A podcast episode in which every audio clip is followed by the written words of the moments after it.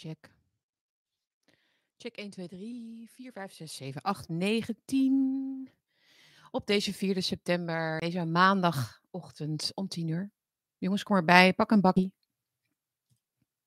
Uit de bakkie beker, als je die hebt. Die zijn op trouwens. Die komen er wel een keertje aan. Komt wel een keer. Mensen. Uh, gezellig. Kom er gezellig bij. We gaan even een bakkie doen weer. Hoe is het met jullie? Ik zie dat mensen aan het werk zijn. Dat dit prima te doen is tijdens werk. Ligt een beetje natuurlijk aan wat voor werk je doet. Je kunt ook prima luisteren in de auto natuurlijk. Of uh, tijdens uh, nou ja, het klussen of schoonmaken in huis. Wat je ook graag doet op deze dag. Het wordt een, mooi, het wordt een mooie dag. Het wordt een mooie nazomerdag. Het wordt de hele week heel mooi, geloof ik. Ben ik goed te horen? Oké. Bam, bam, bam. Goedemorgen Jan, zie ik. Evelien, Maarten. Bekende namen. Uh, het nieuwe is aan, in de chat is dat je alleen kunt chatten als je ook inderdaad abonnee bent van het kanaal. Maar goed, dat kan je ook dus worden hè, tijdens het kijken. En dan kun je na vijf minuten al mee chatten. Dus dat is de moeite natuurlijk niet. Dus doe dat vooral. Dus word abonnee van het kanaal. Like en deel deze uitzendingen met de anderen. En uh, dan kunnen we de community lekker laten groeien. Je kunt hieronder ook een donatie doen via de linkjes. Uh, natuurlijk. En commentaar achterlaten. En ik heb ook sinds een aantal weken een postbus. Postbus 1200 Anton Dirk in Hilversum. En dat kun je adresseren aan Bakkie met Bergsma. Dus postbus 1200 Anton Dirk in Hilversum. Voor al uw post en kaarten. En er staan hier wat kaartjes op de plank. Van de afgelopen tijd. Ook wat oudere, geloof ik, die ik leuk vond. Um, en ook als je wat leuks maakt, zat het er ook bij. Niet alles. Moet een beetje selectie maken. Heel erg bedankt aan iedereen die dat heeft gedaan. Ik ga vanmiddag weer even kijken of er nog wat in zit.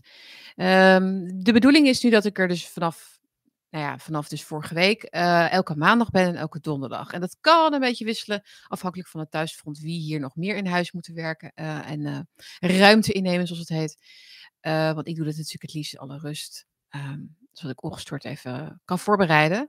Ik kan opnemen, dat is heel belangrijk. De scholen zijn weer begonnen in ieder geval in uh, Noord-Holland, waar ik nog steeds woon, Noord-Holland. Kijk hoor, de chat loopt niet echt hoor. Dus dat geeft wel weer, het, het, is wel weer lekker. Weet je, het geeft wel weer iets meer structuur aan je, aan je dag, aan je, nou ja, aan je planning. Um, dus dat, uh, dat was weer fijn. Moment vanochtend, denk ik. En de kinderen hadden er ook weer heel veel zin in. Wat gaan we vandaag doen? Wat gaan we vandaag doen? Gewoon papier, jongens. Ik heb wat aantekeningen. Ik heb uh, wat dingen gelezen weer. En uh, wat nagedacht. Ik, heb, ik ben veel aan het wandelen de laatste tijd. Wat energieker ben ik ook. Ik ben natuurlijk uitgerust van de vakantie. Um, dat is echt ontzettend fijn dat dat uh, gelukt is. Uh, want dit was ook een van de eerste vakanties misschien. We gaan ook niet zo vaak weg hoor. Maar, dus zeker niet langer. Vaak maar een weekje. We waren nu twee weken dat de kinderen allebei een zwemdiploma hebben. En dus dat je ook een boek kunt uitlezen. Dat je niet heel erg moet opletten. Niet dat je heel erg voor en met de kinderen moet. Uh, uh, zeg maar. Hè, dus dat je niet. Uh, dat, dat het niet alleen maar daarom draait, als het ware. Dus dat je ook even als ouder even kunt ontspannen. En dat dingen ook voor jezelf kunt doen. Dat was heel erg leuk. Dus dat geeft al wat meer. Ehm, nou ja, dan kun je, je rust echt wat meer uit. Um, hoe kom ik daar nou weer op? Geen idee. Meer koffie. Oh ja, dat ik meer aan het wandelen was. Meer aan het wandelen, meer tijd om na te denken. En ik dacht dus na over het idee van de white pill. En dat is het rare, lieve mensen, met veel van de. Van, ja, veel van wat we zien in deze tijdsgeest, noem ik het dan maar even. Is dat die tijdsgeest niet beperkt is tot een plek uh, op aarde. Het is niet beperkt tot uh, een bepaalde groep mensen of uh, een, een, tijdstip of, of, wat, of een seizoen. Het is een, iets wat, wat op verschillende plekken op, in de wereld tegelijkertijd, tegelijkertijd als het ware tevoorschijn komt. Een nieuwe kijk op de dingen. Hè. Dat, dat, dat wordt ook wel morphic resonance genoemd. Die term gebruik ik wel eens. Misschien leuk om daar eens wat langer bij stil te staan, maar het is vrij complex. Morphic resonance is een theorie van de bioloog Rupert Sheldrake. Die uh, man is inmiddels al wel echt erg op leeftijd. Ik heb hem wel eens gemaild. Um, of hij belangstelling had om morphic resonance te bespreken met mij in de context van deze tijd. Maar goed, we zijn nog een beetje aan, aan het. Misschien, misschien komt dat er nog wat van, wel van. Morphic resonance op, zeg maar tegelijkertijd op aarde wordt er dan ehm, worden er bepaalde ideeën als het ware geconcretiseerd, niet per se, maar wel uh, nou ja, zeg maar uitgezonden. Dus verzonden. En de white pill is denk ik eentje daarvan. De white pill moet je natuurlijk heel figuurlijk nemen. Net als de black pill en de, de red pill en de blue pill. Die kennen we natuurlijk allemaal wel. Hè? Ook de normies kennen die ook. Hè? De, de, van de, de film The Matrix. Je hebt de red pill en je hebt de blue pill. Welke pil neem je eigenlijk in je leven? Wil je graag comfortabel binnen de matrix, noem het dan even zo, uh, leven, waarin je eigenlijk alles aanneemt voor waar om je heen. Um, en uh, niet wil, achter het gordijntje wil kijken eigenlijk van de, de realiteit. Wat is er eigenlijk nog? Wat is er eigenlijk aan de hand? Wie zit er aan de knoppen? En kan ik vooral ook, kan ik um, hieruit ontsnappen? En als dat zo is, wat betekent dat dan? Wat heeft dat voor consequenties? Wat is de prijs daarvan? Dat is de red pill. Um, en ik denk dat we sinds een aantal jaar hebben gezien wat de gevolgen zijn van het red pillen. Red pillen, dat wordt ook in de film The Matrix gezegd, is niet per se zalig maken. Het is niet zo van, nou, dan wordt je leven makkelijker. Dan wordt je leven, um, heb, krijg je meer opties. Heb je, um, ja, ben je ook daadwerkelijk ontsnapt? Dat is natuurlijk ook een fictie. Dus heel veel mensen hebben dat ontdekt, denk ik, de laatste jaren, dat het niet zo makkelijk is om veel te weten, op denken te weten of veel onderzoek te doen.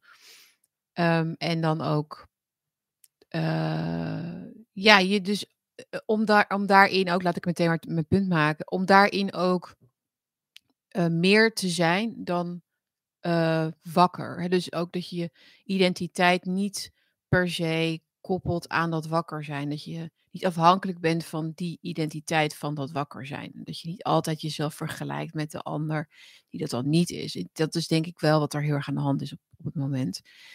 Um, en ik denk dat het white pillen, dat gaat dus over dat je accepteert op een gegeven moment dat er dat je niet alles kunt weten, dat je, dat je de zoektocht naar waarheid niet doorvoert tot in het extreme en dat je dat eigenlijk um,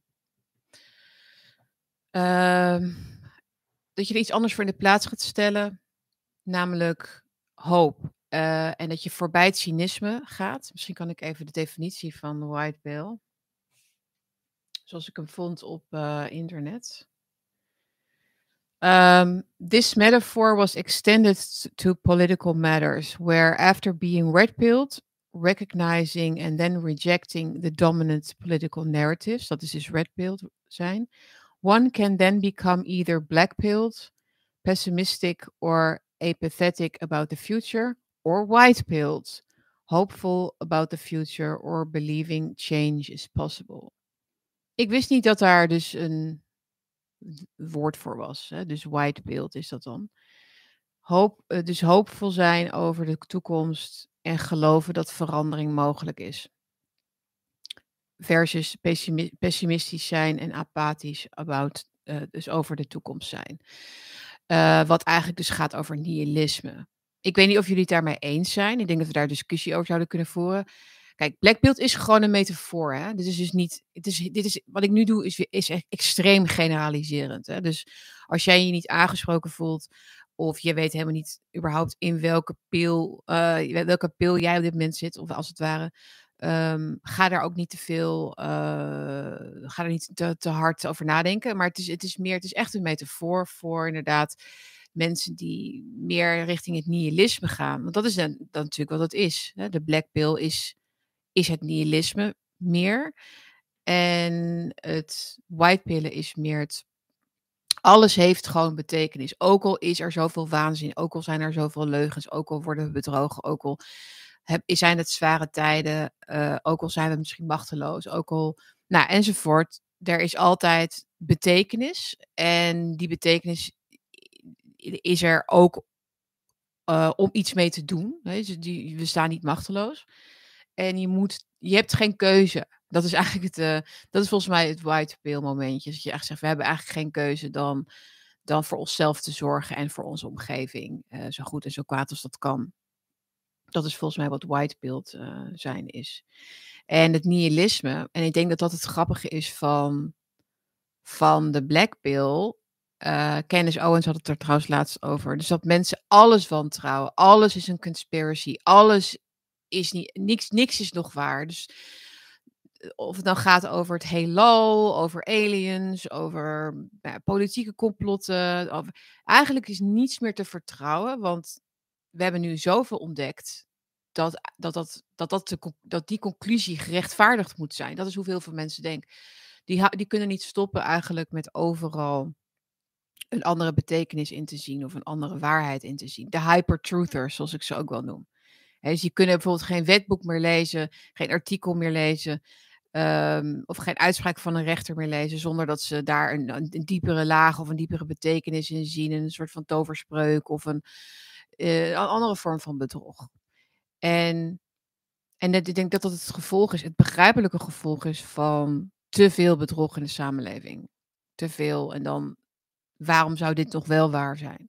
Dat is letterlijk het, ja, het verliezen van de band met het, met het, uh, met het officiële verhaal. dus dat is dan het verhaal, inderdaad. Um, Iets anders, in de Urban Dictionary staat dat white pill betekent being aware of a difficult situation or position and having a fighting can-do attitude and not giving up. Plus accomplishing said things within the. Waarom stopt hij daar dan weer? Within the difficult situation. Being optimistic, not merely through gut feelings, but via having thought about a situation enough to understand how to get through it successfully.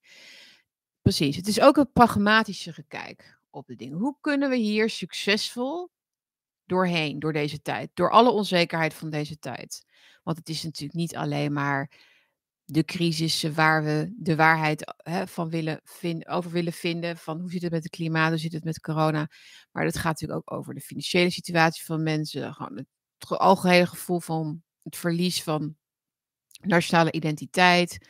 Verlies van uh, contacten met de omgeving. Wat kun je nou doen om hier succesvol doorheen te komen? Dus het is veel pragmatisch. Dat is een beetje de, wat je ook bij de, de Andrew Tate-achtige groepen ziet. Hè? Dus de dus je moet gewoon slimmer zijn. Je moet het gewoon beter doen. Je moet gewoon een plan hebben. Een plan A, een plan B en plan, plan C. Dus dat, volgens mij valt dat ook onder de white pill. In ieder geval is white pill nu voor mij een, vibe, noem ik het dan maar even, zoals ik net, ik zei net van, je ziet het, je voelt het ook op andere plekken. Een vibe waar ik meer op wil zitten dan in de vibe van dieper en diepere lagen proberen aan te boren van ja, hoe zit het nou precies? Uh, ik, ik, denk dat, ik denk dat we al heel veel in korte tijd hebben blootgelegd. Um, en ik denk dat we daar gewoon mee verder moeten gaan. Ik denk dat we de waarheid moeten spreken en de leugens moeten ontmaskeren. En dat maar dat ook meer op een strategische manier moeten doen.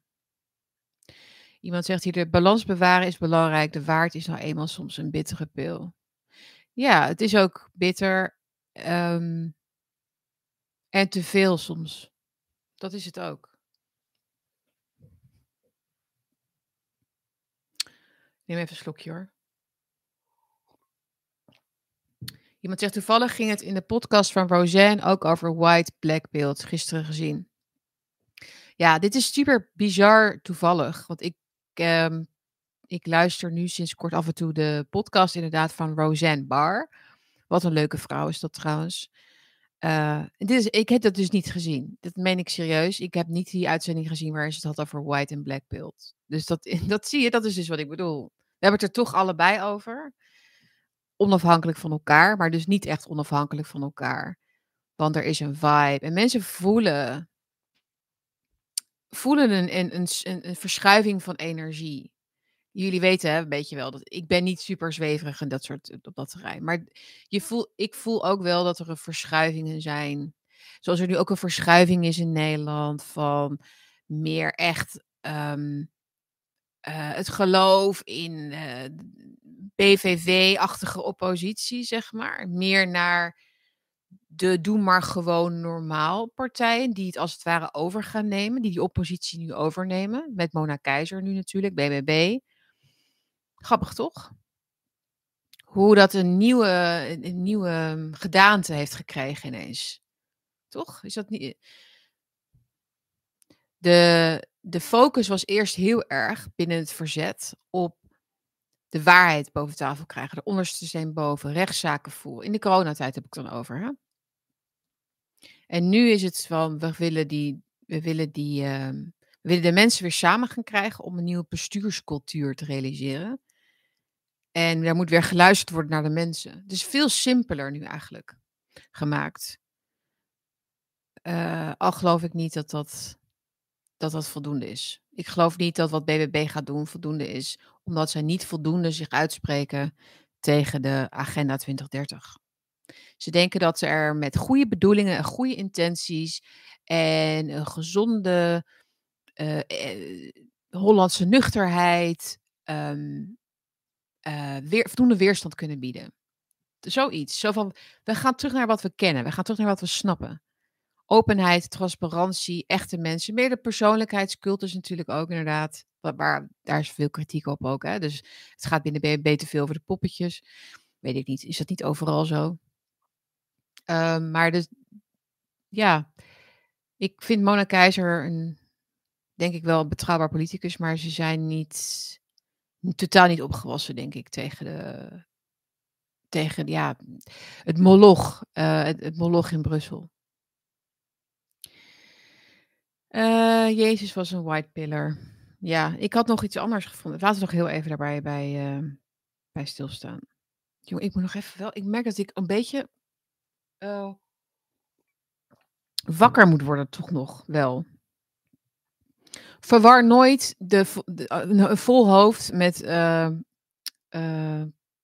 meningen die af zijn. Dat is, dat is echt iets heel anders. Even kijken. Ik had hier nog over whitebeeld zijn. Het is het, waarom, waarom whitebeeld mij echt op het lijf geschreven is, denk ik, toch wel inmiddels iets ouder en wijzer geworden de afgelopen jaren, is dat ik, ik, ik, ben, ik ben meer een stoic. Ik ben meer een uh, stoïcijns. Voor vrouw ben ik zeker stoïcijnser dan gemiddeld, denk ik. Maar ik hou heel erg van het krachtige reageren op uh, tegenslag. Um, niet in een hoekje gaan zitten. Um, constructief zijn. Uh, maar de, ik, dit, is een, dit is een citaat, misschien moet ik het gewoon voorlezen. Maar uh, hoe ik erover denk is dat the strength I'm looking for isn't the type where you win or lose. What I want is the kind of strength to be able to absorb that kind of power, to stand up to it. The strength to quietly endure things, unfairness, misfortunes, sadness, mistakes, and misunderstandings. Ja, oneerlijkheid, um, tegenslag, verdriet, fouten en misvattingen. Al, dat zijn veel dingen die je dagelijks allemaal voor je kiezen krijgt. De oneerlijkheid van het alles. De oneerlijkheid die, waar mensen zich zo vaak over uitlaten op social media. Weet je wel, van al, het, al de aandacht en energie en tijd die er wordt gestopt in allerlei dingen. In, uh, in die agenda's, in die oorlog. Allemaal tijd en energie en geld wat niet gaat naar andere dingen. Hoe oneerlijk. Um, dus niet naar armoede, niet naar, niet naar kinderen die in armoede leven. Niet naar huizen bouwen, niet naar het leefbaar maken, niet naar veiliger maken van Nederland. Uh, niet naar het oplossen van hele grote schandalen die er nog steeds liggen, zoals Groningen en toeslagen. Hoe oneerlijk dat voelt. Hoe, hè, dus dat, dat gevoel. Uh, maar hoe, hoe belangrijk het is om daar toch op een bepaalde manier, uh, dus ja, om dat, te om, om toch te doorstaan, misschien is het makkelijk voor mij om te zeggen. Um, als je niet een toeslagenouder bent, of een ander, anderszins um, door het systeem flink bent benadeeld. Maar um, ik denk dat niemand daar inmiddels veilig voor is. Hoe zeg je dat? Veilig van is. Ik denk dat dat iedereen benadeeld wordt door deze overheid. En dat je, dat je dus wel eh, niet per se een winnen- of verlieshouding moet hebben, maar het moet willen doorstaan. Volgens mij, ik zit te denken of ik nou eigenlijk veel andere, of ik nu een andere kijk heb dan eerst. Ik weet het niet. Misschien moest ik het, moe- moest ik het gewoon even verversen voor mezelf. Wouter zegt, als je nou nog niet wakker bent, Sietske. Ehm, ik denk dat, eh, om het heel kort te zeggen, dat er een periode is geweest voor mensen om dat te worden. Ehm, en inmiddels, als dat niet, als dat bepaalde mensen dat nog niet zijn, hè, wakker is een breed begrip, dan gaat het ook denk ik niet meer gebeuren. Zeg ik even. Dat is wat ik denk. Ehm, er is genoeg gebeurd om te zeggen dat mensen moeten weten, hadden moeten weten of hadden kunnen weten. En inmiddels hebben geaccepteerd dat ze leven in, eh, in dit systeem. Als dat zo is. Nog iets anders, jongens. Ik had het vorige keer over dat SCP-onderzoek, het Sociaal Cultureel Planbureau bezoek, eh, onderzoek, wat ging over het, ehm, dat de helft van de Nederlanders ehm, bang is eigenlijk voor ja, dus, eh, haat en beledigingen en bedreigingen op social media. En dat de overheid daar iets aan moet doen. Dus lees, de helft van Nederland wil meer censuur. En toen was ik een beetje aan het, eh, ja, hoe zeg je dat, aan het bedenken van hoe, hoe hebben ze nou die vragen gesteld. Maar nu blijkt dus dat er maar heel weinig ondervraagden waren. Dus ik wilde dat nog eventjes, eh, ja, eventjes jullie meegeven. Even kijken, waar had ik het? Eh, dus daar was, ehm, waren 32 ondervraagden, geloof ik. Eh, en die hadden een aantal gesprekken gehad. Even kijken, waar was het nou? Hier, onderzoeksverantwoording. Er zijn vier groepen ehm, geïnterviewd. Waarin de spreiding is nagestreefd van naar geslacht, gezinssituatie en leeftijd. Maar dat gaat om 32 personen hebben deelgenomen aan de gesprekken. Een overzicht eh, van de deelnemers is opgenomen in bijlage 2. 32 personen? Ik weet niet hoor, dit kan toch niet waar zijn? Dus dat is een SCP-onderzoek. Wat gaat over het draagvlak eh, binnen de Nederlandse bevolking voor het eh, censureren van social media door de overheid. En daarvan zou de helft zeggen eh, dat dat vinden we goed. En 71% zou zelfs bang zijn voor de meningen van anderen. Die ziet er gevaar in. Ehm, dat is natuurlijk niet representatief. Maar het heeft wel in alle kranten gestaan. Het is gewoon overgenomen. Zo lui zijn ze gewoon. Hè? Ze hoeven niet eens meer echt. ehm, nou ja, duidelijk verhaal. Goed, wat is er verder nog gebeurd? Eh, we hebben nu een eh, stoelendans gezien weer in Den Haag. We zijn nu, worden wij verder gered door Hanke Bruin Slot. Die ehm, Nederland komt verrijken met meer en meer Brussel natuurlijk. CDA Hanke Bruin Slot wordt de nieuwe demissionair minister van Buitenlandse Zaken. Ze volgt haar partijgenoot Wopke Hoekstra op, die kandidaat is voor de Europese Commissie. En dat is nog niet het allerergste, maar we hebben nu ook Hugo de Jonge, die demissionair minister voor Volkshuisvesting en Ruimtelijke Ordening is, maar die wordt nu ook minister, demissionair minister van Binnenlandse Zaken. Weet je nog dat, eh, dat eh, Mark Rutte zei in de Tweede Kamer dat demissionair betekent meer macht voor ons, of voor hem in dit geval. Strikt genomen had hij toen over. Strikt genomen hebben we hebben we nu, nu meer macht. Strikt genomen eh laten ze het nu ook allemaal in de praktijk zien. Want dat is nu gezegd. En eh, op die opmerking is niet heel veel verontwaardiging gekomen. En nee, maar dus dat is natuurlijk het verhaal. Meer macht. We gaan- Dus er worden alle posities worden nu even ingenomen. Om tot aan de verkiezingen in ieder geval de trein in een hogere versnelling te zetten. Meer Brussel, meer klimaatplannen, meer immigratie, eh, meer angst, meer polarisatie. Ehm, ja, meer elite. Meer, meer macht naar de elite.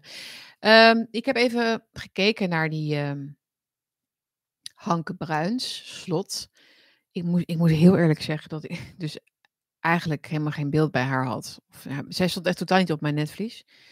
Maar zij heeft dus meegeholpen, want ze is ook oud-militair geweest. Nou, dat is, dat is haar natuurlijk te, te prijzen in die zin. Maar dat ze, is meer een dekmantel, zoals met veel dingen tegenwoordig. Kijk eens, want ze zegt ook, hè, van we moeten wennen aan dat we meer sneuvelbereid zijn of zo. Ja, nee, ze heeft in de Volkskrant heeft ze gezegd, ik houd mezelf voor, wees sneuvelbereid. Ja, houd je dat jezelf voor of uh, anderen? Vind, dat vinden we dan een mooie tekst, want dan, hè, zij is dan ook militair. Het is dan heel ongelooflijk uh, opofferingsgezind en nobel. Nobele opmerking. Ja, sneuvelen. Dat betekent in de politiek dat als het even niet meer goed gaat, dat je dan naar een ander plekje gaat. Dat je dan een andere positie krijgt. En beschermd wordt. Door je overlords. De overlords. In Europe. Maar deze vrouw, waarvan, waar ik niet zo heel veel van vind, want ze, ze, ze praten in dezelfde platitudes als alle, alle politici. Maar zij zegt dus hier, of de Volkskrant schrijft hierop, dit is een interview van 2 september met haar. In de Volkskrant, dus van zaterdag. Uh, mooi time. Dus nu wordt bekend dat ze dus minister wordt. En uh, zaterdag had ze natuurlijk daarom al een interview, hè, want zo werkt dat tegenwoordig. Er staat hier, zij werkte aan de mogelijkheid voor de Hoge Raad om politieke partijen te verbieden wanneer die de democratie bedreigen. Omdat de, democratie rechts, omdat de democratische rechtsstaat geen vanzelfsprekendheid is, moet je die beschermen, zegt zij dus. Onderhouden en vernieuwen. Maar het verbod, het verbod zou een uiterste redmiddel zijn. Bijvoorbeeld wanneer een partij de Tweede Kamer wil afschaffen onafhankelijke rechtspraak onmogelijk wil maken of wil zorgen dat niet iedereen kan stemmen. Ja, zij is echt een groot voorstander dus van het invoeren van de mogelijkheid om een partij te verbieden, hè, dus via de Hoge Raad. Zo grappig dat zij die rol toebedeeld is gekregen. Ze heeft ook bij Buitenhof gezeten in januari. Daar zag ik een, uh, stukje van. Waarin ze dit ook motiveert nader. Dus zij is al langer, ze is al langer eigenlijk een um, pleitbezorger en van dat verbod. Zij heeft, zij heeft eigenlijk, dat is eigenlijk haar schaduwdossier een beetje. Of niet echt schaduw, maar um, wat, ja, wat ze wordt minister van Buitenlandse Zaken. Maar dit is dus ook in feite iets wat, wat zij vanuit haar rol moet gaan verkopen, een beetje. Waar zij, het is ook zo typisch gekozen weer, weet je, een vrouw en militair en tegen oorlog. Oh ja, wil jij dan ook nog even heel veel zeggen over dat we de politieke partijen gaan verbieden? Weet je, niet een heel opvallend iemand. Uh, snap je? Dus dat is ook weer zo typisch. Dus iemand die een beetje aan de zijlijn af en toe wat zegt. Niemand die er echt. Um, uh, ja. Zij, zij, zij veroorzaakt niet echt enorme oproer of zo daarmee. Ondertussen wordt het wel gezegd. En dan vraagt de Volkskrant: zou zo'n partij dat altijd netjes aankondigen voor ze aan de macht is?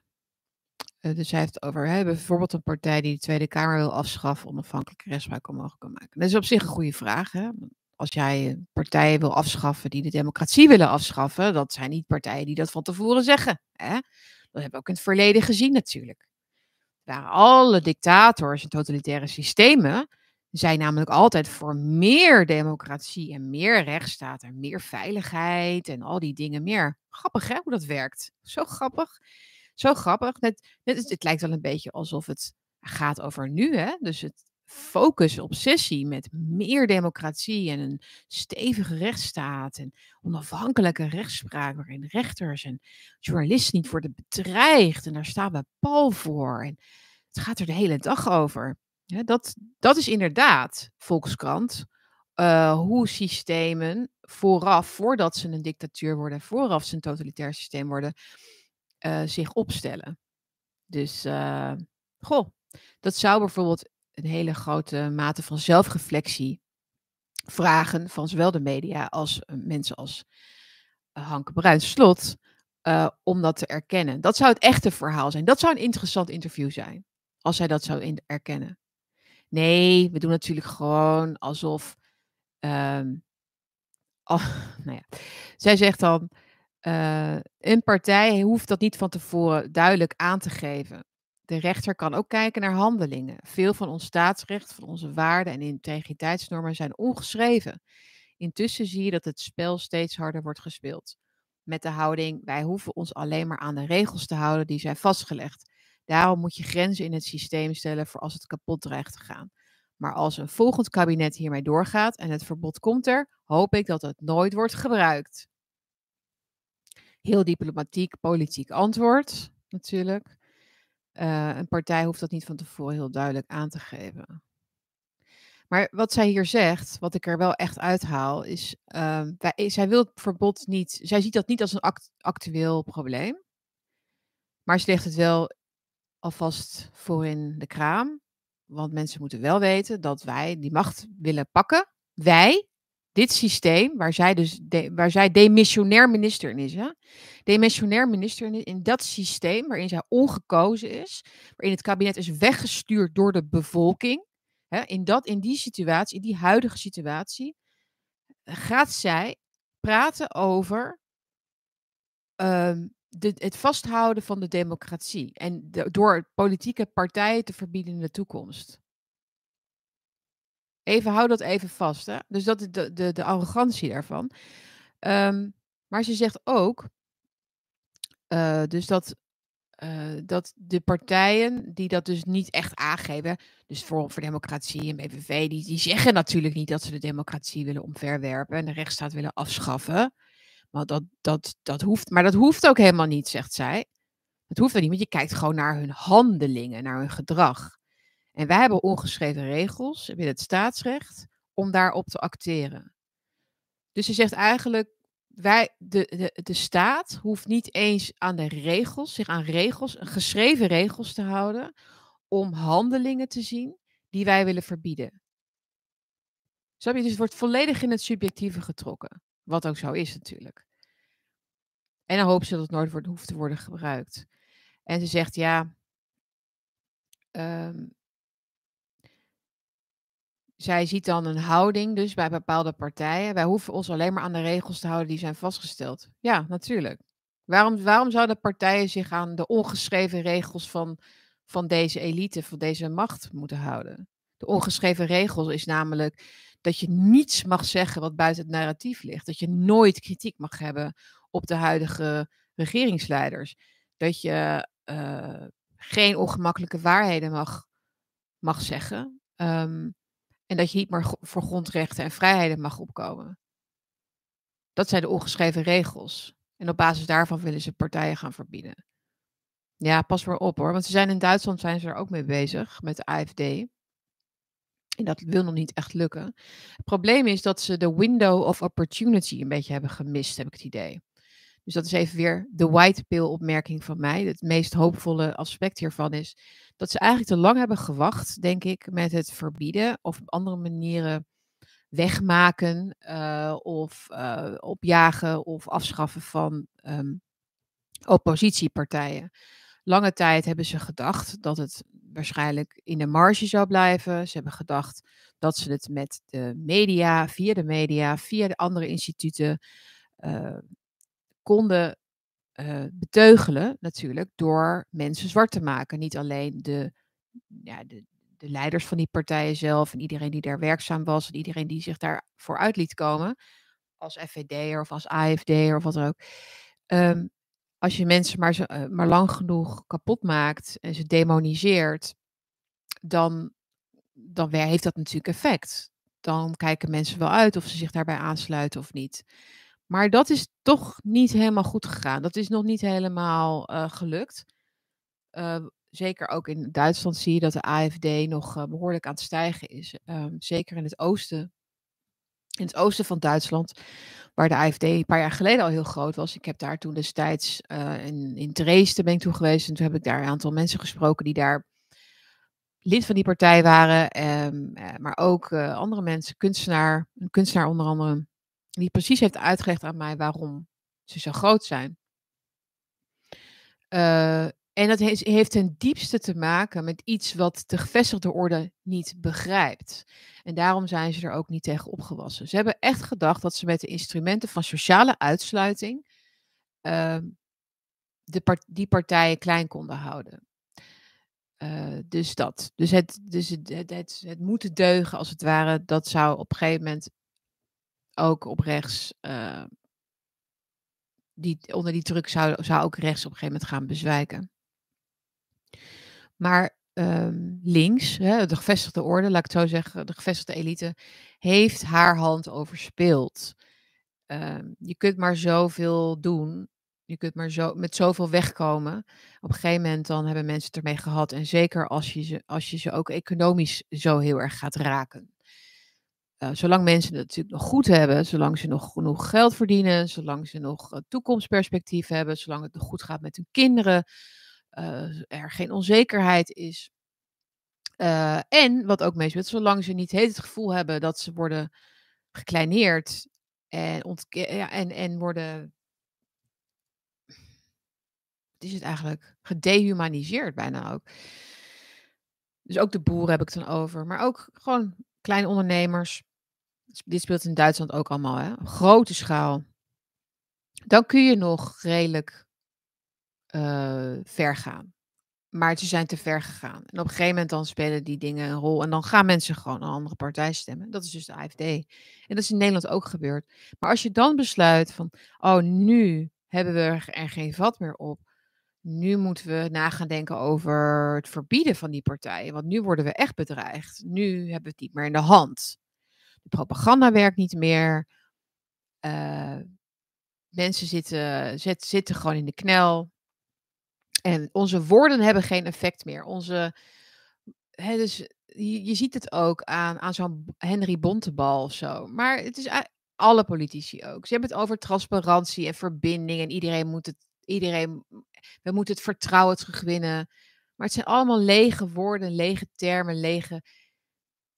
Het is te laat. Het, het voelt als te laat. Het voelt als niet overtuigend. Het voelt ook alsof ze eigenlijk bang zijn om het te zeggen. Ze zijn bang om dat toneelstuk te voeren, want ze weten dat het nep is. Ze weten dat, het, uh, dat ze ook die beloftes weer gaan breken.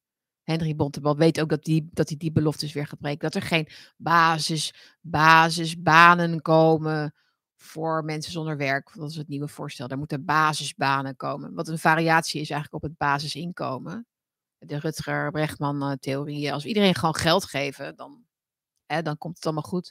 Als iedereen gewoon een baan geven. Uh, en daar moet natuurlijk ergens van betaald worden. Daar hebben we het niet over. Maar dat, komen, dat, dat is dan iets voor na de verkiezingen natuurlijk. Dus dit is gewoon verkiezingsretoriek. Maar ze, zijn, ze hebben geen overtuigend verhaal. Dat komt er ook niet meer. Het is allemaal nep. Het is allemaal non-playing character. Uh, uncanny Valley puppets. Uh, die dit moeten zeggen. En um, dus een beetje beginnen van, uh, ja, we willen een partijverbod voor de toekomst, maar we willen het niet hoeven gebruiken. Ik denk dat ze, ehm, als, het, als ze ermee weg zou, als het niet zou, als het zou betekenen dat zij niet massaal zouden worden afgestraft voor het verbieden van politieke partijen, dat ze het morgen zouden doen. Tuurlijk. Tuurlijk. Deze mensen hebben niks met moraal of zo in de politiek. Of uh, moraliteit is totaal geen organiserend principe meer in de politiek of überhaupt in het Westen. Kijk naar Amerika. Um, daar zitten ze natuurlijk helemaal met dit probleem. Want op het moment dat Donald Trump wordt opgepakt, fysiek, hij heeft al die mugshot natuurlijk gekregen. Een paar weken geleden. Maar als ze hem echt zouden opsluiten, of erger, als hij zou worden omgelegd, zeg maar, dan, dan krijg je echt de totale chaos, denk ik, in dat land.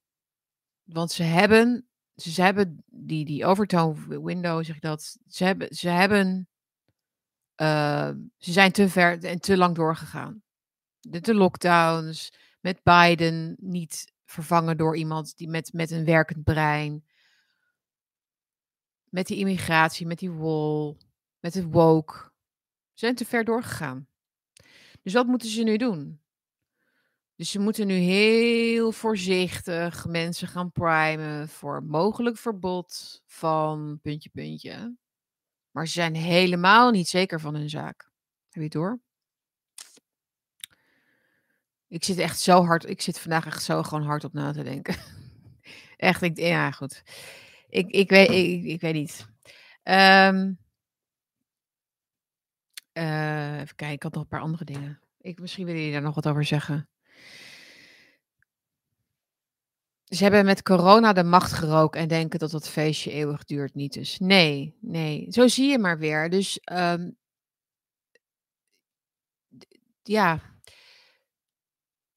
Dit vind ik een goede opmerking van deze, eh, van Rombout. Het is inderdaad maar zo zo is het met alle bedrog en leugens is en onderdrukking is. Zolang het niet voortdurend is, met nadruk op voortdurend is, verdwijnt het onmiddellijk. Dus als na toen toen Poe Poetin zeg maar een einde maakte aan, eh, aan het corona, ehm, virus, toch? Toen dat ineens werd dus dat verhaal vervangen werd door de oorlog. Uh, althans, dat verdween toen natuurlijk uit uit, uh, de media toen. Uh, en toen waren ook geen maatregelen meer. En maar om dat weer op te pakken dat zo makkelijk werkt dat niet natuurlijk. Dat kan niet. Mensen wennen mensen wennen aan mensen ook al kunnen mensen niet hardop toegeven aan zichzelf dat ze zijn voorgelogen. Leugens kun je voel je wel in je in je wezen, toch? Dingen die geen leugens zijn die sla je op een manier dat je ze gebruikt voor de toekomst, dat je leermomenten hebt. "Oh, we hebben een virus gehad, dan gaan we dat doen, dan gaan we ons allemaal opsluiten, want dat is goed." Dan doe je dat op dan gaat dat vanzelf. Maar dat is nu niet zo. Ja, misschien ben ik te vaag. Een beetje vaag, sorry. Ehm, ja, ik zag nog beelden van, uh, een festival in Engeland waar jongeren allemaal, uh, allemaal ja, alles hadden achtergelaten, allemaal afval achtergelaten, hun tentjes. Uh, ik zag ook beelden van dat Burning Man. Ik heb geen idee waarom mensen daar vrijwillig naartoe gaan. Naar een of andere woestijn, een of ander woestijngebied in Nevada, geloof ik. Waar is het? In, ergens in Amerika. Wat is daar precies? Wat, is, wat, wat ga je daar zoeken? Wat ga je daar zoeken? Maar misschien ben ik gewoon, ik weet niet hoor. En toen vroeg iemand zich af, dus, maar dit was een ander festival. Waarom laten al die jongeren al hun afvallen achter? Die festivals. En dit zijn dus, dit is de Generation Z. Die ook allemaal over het klimaat beginnen. En zich zorgen maken over het klimaat. En dit is hoe ze omgaan met hun, met de natuur. En denk ik, di, di, hier wil ik eigenlijk misschien ook een keer wat over schrijven. Want ik denk dat dit heel begrijpelijk is waarom dit gebeurt. Waarom jongeren al hun shit gewoon overal neergooien. Niet allemaal. Maar zeker, dit, gaat, dit, dit is natuurlijk ook in de massa. In de massa ben je geen individu meer. In de massa ben je een, een atoom in de massa. Ik denk dat dat heel. Je bent, een, je bent niet een individu in de massa, je bent een atoom. Dus dan ga je ook sneller, doe je ook sneller dingen die andere mensen ook doen. En ook met name slechtere dingen. Maar wat, uh, wat er is gebeurd met die klimaatangst bij jongeren, is, zoals met heel veel andere onderwerpen, is dat ze dus hun zorgen over hun buitenwereld, de buitenwereld in brede zin, uh, zo ver van hun af hebben gezet. Dus tot aan de, de, zoiets abstracts als de planeet, maar ook vooral zoiets abstracts als 2050 of een ander denkbeeldig moment in de toekomst of een ander, weet ik veel, plek ergens in het heelal. Maar ze hebben geleerd om problemen zo te abstraheren, maar wel te koppelen aan hun angst. Hoe zeg je dat? Gevoelens. Um, dat ze uh, hun, hun nabije omgeving, hun eigen plekje, de eigen vierkante meter, zeg maar, om hun heen, maar ook hun eigen innerlijk. Uh, en de problemen die daar spelen, als het ware volledig disqualificeren. Dat is letterlijk wat er gebeurt. Je maakt ze gevoelloos voor wat er gebeurt uh, een meter verderop. Is dat, is dat niet een, iets logisch? Dat is waarom mensen steden vervuilen, omdat ze de connectie zijn verloren met hun eigen communities, met hun eigen gemeenschap. Uh, dat is wat mensen doen als ze hun eigen huis vervuilen, omdat ze geen naasten hebben waarmee ze een, een band hebben, waar ze gevoelens voor hebben, waar ze denken van ik moet voor jou zorgen of ik moet, weet je, dus dan verwaarlozen ze hun eigen nest. Mensen verwaarlozen hun eigen nest als ze enerzijds dus het, connectie met hun naasten zijn verloren, maar ook omdat ze is geleerd om heel erg veel sympathie, sentiment ehm, en betrokkenheid te voelen bij problemen heel ver weg. Dat is, uh, het, het, is, het is een vorm van zelfhaat in feite creëren bij, bij jongeren voor zichzelf. Is dat ook niet wat je zag bij die opstoppingen, die files die klimaatactivisten dan veroorzaken bijvoorbeeld? Uh, ik zag een keertje een clipje van een vrouw die, die kan naar voren gelopen en die zei tegen een van die jongeren van uh, ik heb een ziek kind in de auto en ik moet naar het ziekenhuis. En er gebeurt dan dus niets met zo'n activist. En dat is ook wat je ziet bij die rechtszaken waar nu activisten zitten. Nee, heb je, die beelden gezien van uh, Extinction Rebellion? Die gaan dan een beetje zitten praten over hun trauma's die ze hebben opgelopen omdat ze zijn aangehouden op de A12. En waarom mensen niet begrijpen dat een opstopping op de weg niet erg is, want over een paar jaar kunnen die auto's überhaupt niet meer rijden door de tunnel, want daar zit het alleen maar, dan is het helemaal volgestroomd met water. Dat is hoe die mensen denken. Zij kunnen alles veroorzaken in het hier en nu. Dus een kind wat niet naar het ziekenhuis kan, maar wie dan, hè, dus allerlei ellende. Een economie ontregelen uh, als het zou moeten, want er is iets anders wat moet worden voorkomen.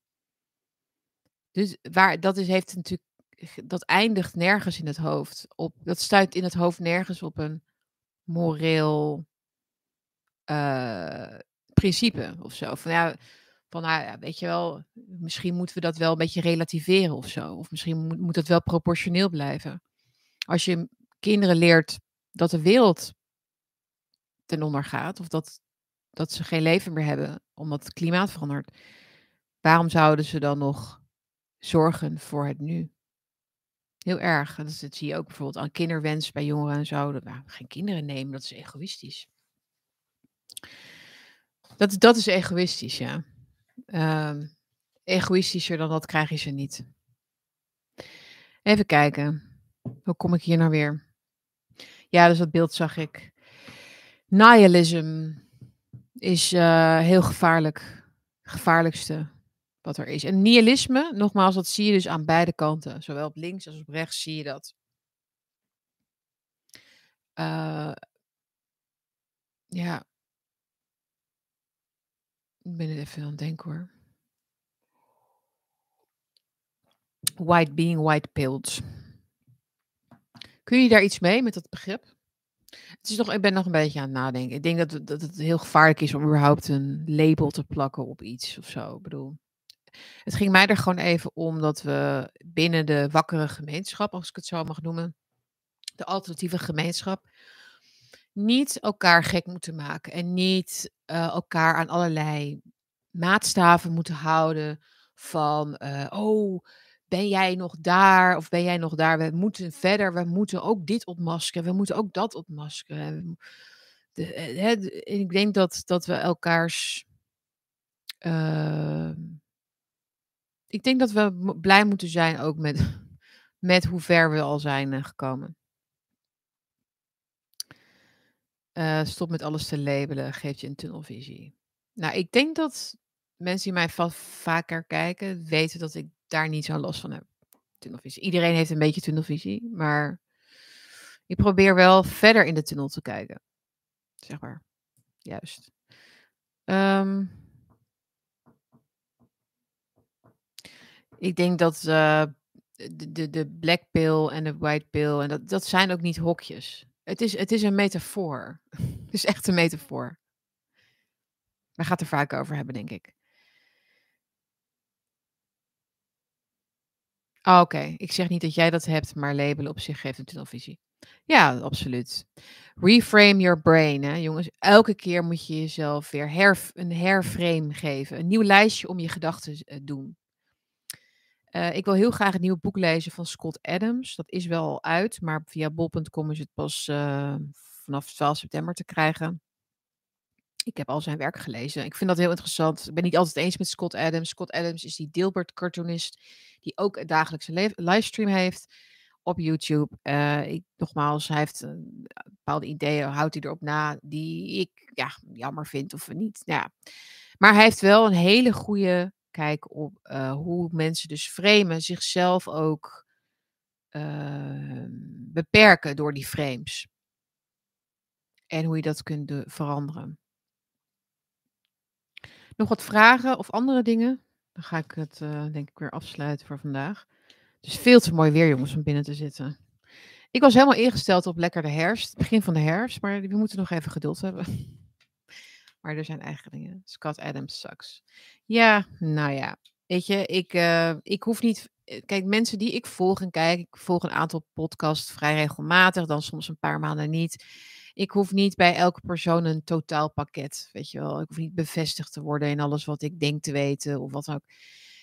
Pluk van alles wat, wat ik kan gebruiken. En dat is denk ik ook waar YouTube voor is. Ik denk dat als jij uh, behoefte hebt aan een uh, podcast over de Bijbel, dat, lees, dat luister ik bijvoorbeeld ook, iets daar meer over te weten. Nou, dan luister ik dat. En als ik iets meer de ratio kant wil voelen weer en even wat meer geground wil worden, dan, um, dan luister ik Scott voor zijn ideeën over hoe je kunt kijken naar, het, naar nepnieuws, hoe je dat kunt herkennen. En hij is er zelf ook aan ten prooi gevallen. Met die coronatijd. Redacted. Ja, redacted. Ja, ik vind redacted. Ik weet niet. Iets te popiopie misschien of zo. Niet. Maar weet je, nogmaals, iedereen heeft. Ik bedoel, ja. Je hebt allemaal zo je voorkeuren. In Spanje is het koud. Nou. Brett Weinstein een keer interviewen. Dat zou leuk zijn. Ja. Um.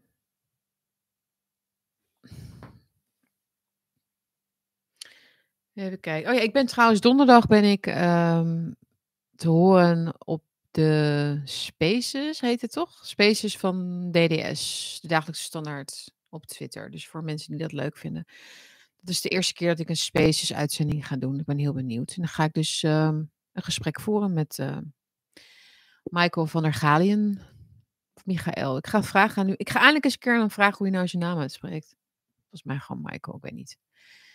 Dus dat, uh, dat is donderdag. En donderdag kom ik ook weer even met een bakkie langs. Of misschien verplaats ik die wel naar woensdag. Maar dat weet ik niet zeker.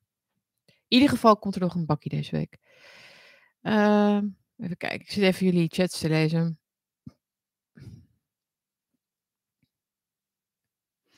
Is een effect van die identiteitspolitiek in de cultuuroorlog. Ik hoef het niet met alles eens te zijn en kan ergens naar luisteren zonder mijn reputatie eraan te verbinden.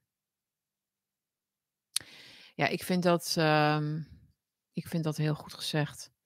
Ik, ik, ik bedenk me nu ineens dat ik daar iets over had opgeschreven in een aantekening. Um, misschien is is, het, is het al een belangrijk punt wat jij hier aansnijdt in de chat eh, GJ. Eh, dat wakker zijn, ik weet niet of je dat bedoelt, maar dit zijn mijn eigen woorden. Wakker zijn is niet een identiteit. We moeten het niet spiegelen aan inderdaad die identiteitspolitiek. Als je van wakker zijn je hele identiteit maakt en er alles aan ophangt, dan riskeer je dus ook dat je gekwetst raakt of dat je beledigd raakt door mensen binnen je eigen wakker, wakkere gemeenschap. Die dat die jou niet voldoende serieus willen nemen, of die nog niet zo ver zijn, of die een andere kijk hebben, dan creëer je inderdaad hetzelfde effect als van onze tegenstanders. Hè? Dat, je, dat je in feite een narratief creëert over wat nou eigenlijk wakker zijn is, of wat, wat, waar we moeten zijn. Um, dus wakker zijn mag geen identiteit zijn. Ik denk, ik denk dat ik dat voor mezelf nu ook veel helderder heb. Is dat ik dat ook helemaal niet wil. Ik vind dat eigenlijk een hele vervelende staat van zijn of zo. Uh, er is zoveel meer in de wereld dan het idee heet het maar hebben dat je, dat je alles moet, dat je overal iets achter moet zoeken. Is heel vermoeiend, vind ik. Uh, ik, had er, ik had er dit over geschreven. Um, over. Dus wakker zijn hoeft geen vloek meer te zijn. Het hoeft niet de hele tijd daarover te gaan. Het is geen wedstrijdje. Want je maakt het op die manier ook alleen maar een soort entertainment voor, voor, voor de elites. Van, oh, kijk eens waar ze het nou weer over hebben. Dus het is geen identiteit. Ik schreef, als je je zeker voelt over je gevoel, je intuïtie, je vooruitgang, je voortgang, je relatie tot iets hogers, tot anderen, tot jezelf. En je haalt plezier of voldoening uit meer weten. Je bent niet afhankelijk van iets, of iets waar is of niet. Zeker niet als het geen kwestie van leven of dood is. En je bent net zo comfortabel als het antwoord uitblijft, als wanneer het gevonden wordt. Je haalt trots uit wat je zelf presteert en achterhaald hebt en geeft credits aan mensen als zij dat doen. Je meet anderen niet af aan hoe ver zij zijn. Dan ben je nog van jezelf en kun je groeien. Dus dat was even de, waar ik het tegen wilde afzetten.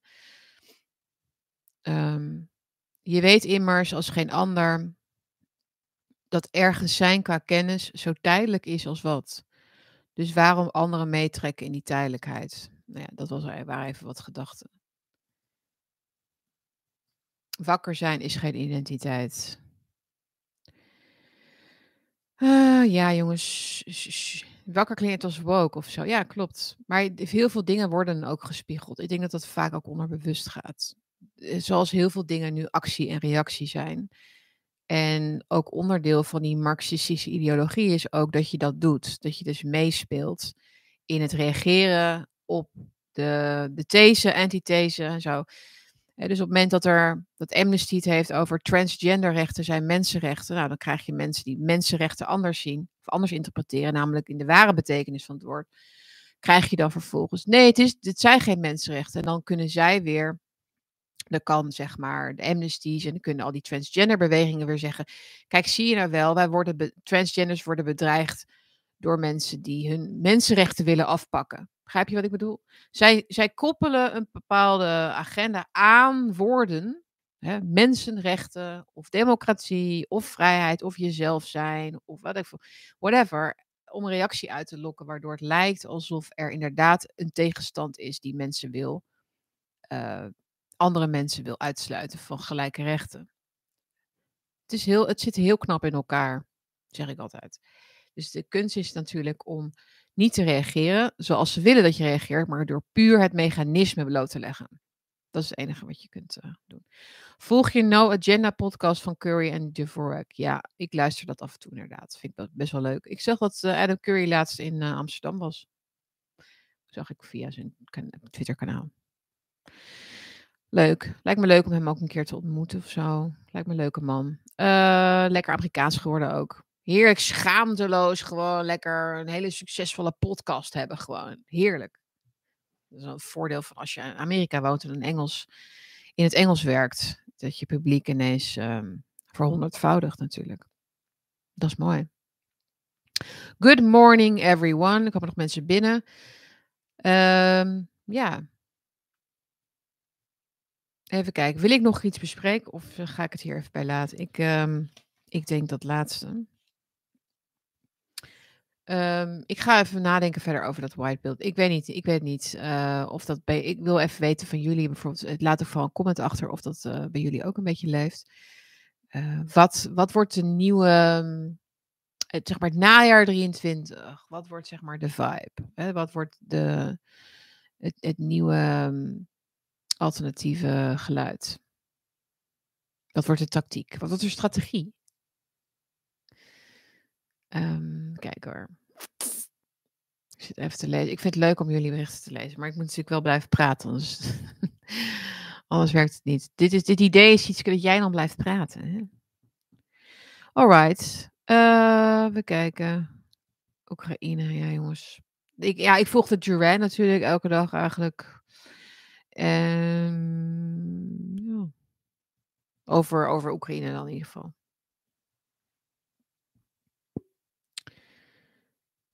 Nergens meer aan meedoen? Nee, sowieso niet. Mona, we gaan het vaker nog hebben over Mona. Ik ben het wel aan het volgen hoor, maar ik ben nog niet helemaal. Um... Ik ben heel benieuwd wat, gaat, wat ze gaan doen. Wat het gaat doen. Alright, jongens. Um... Ehm, 2 oktober moet Gonzalo Lira voor de rechter verschijnen. Ook iets wat ik nog volg. Hoe gaat het met Gonzalo Lira, die Amerikaan, Chileense Amerikaan die vastzit in Oekraïne op dit moment? Vanwege wrongthink natuurlijk. Ja, jongens, er komt een hele hoop ellende. Daarom moeten we ons ehm, goed voor onszelf zorgen. En het begint bijvoorbeeld ook met deze week nog even lekker het zonnetje pakken. En we gaan elkaar weer heel erg snel zien hier bij Bakkie deze week. En ik wens jullie een hele mooie dag en tot gauw. Alright, ciao.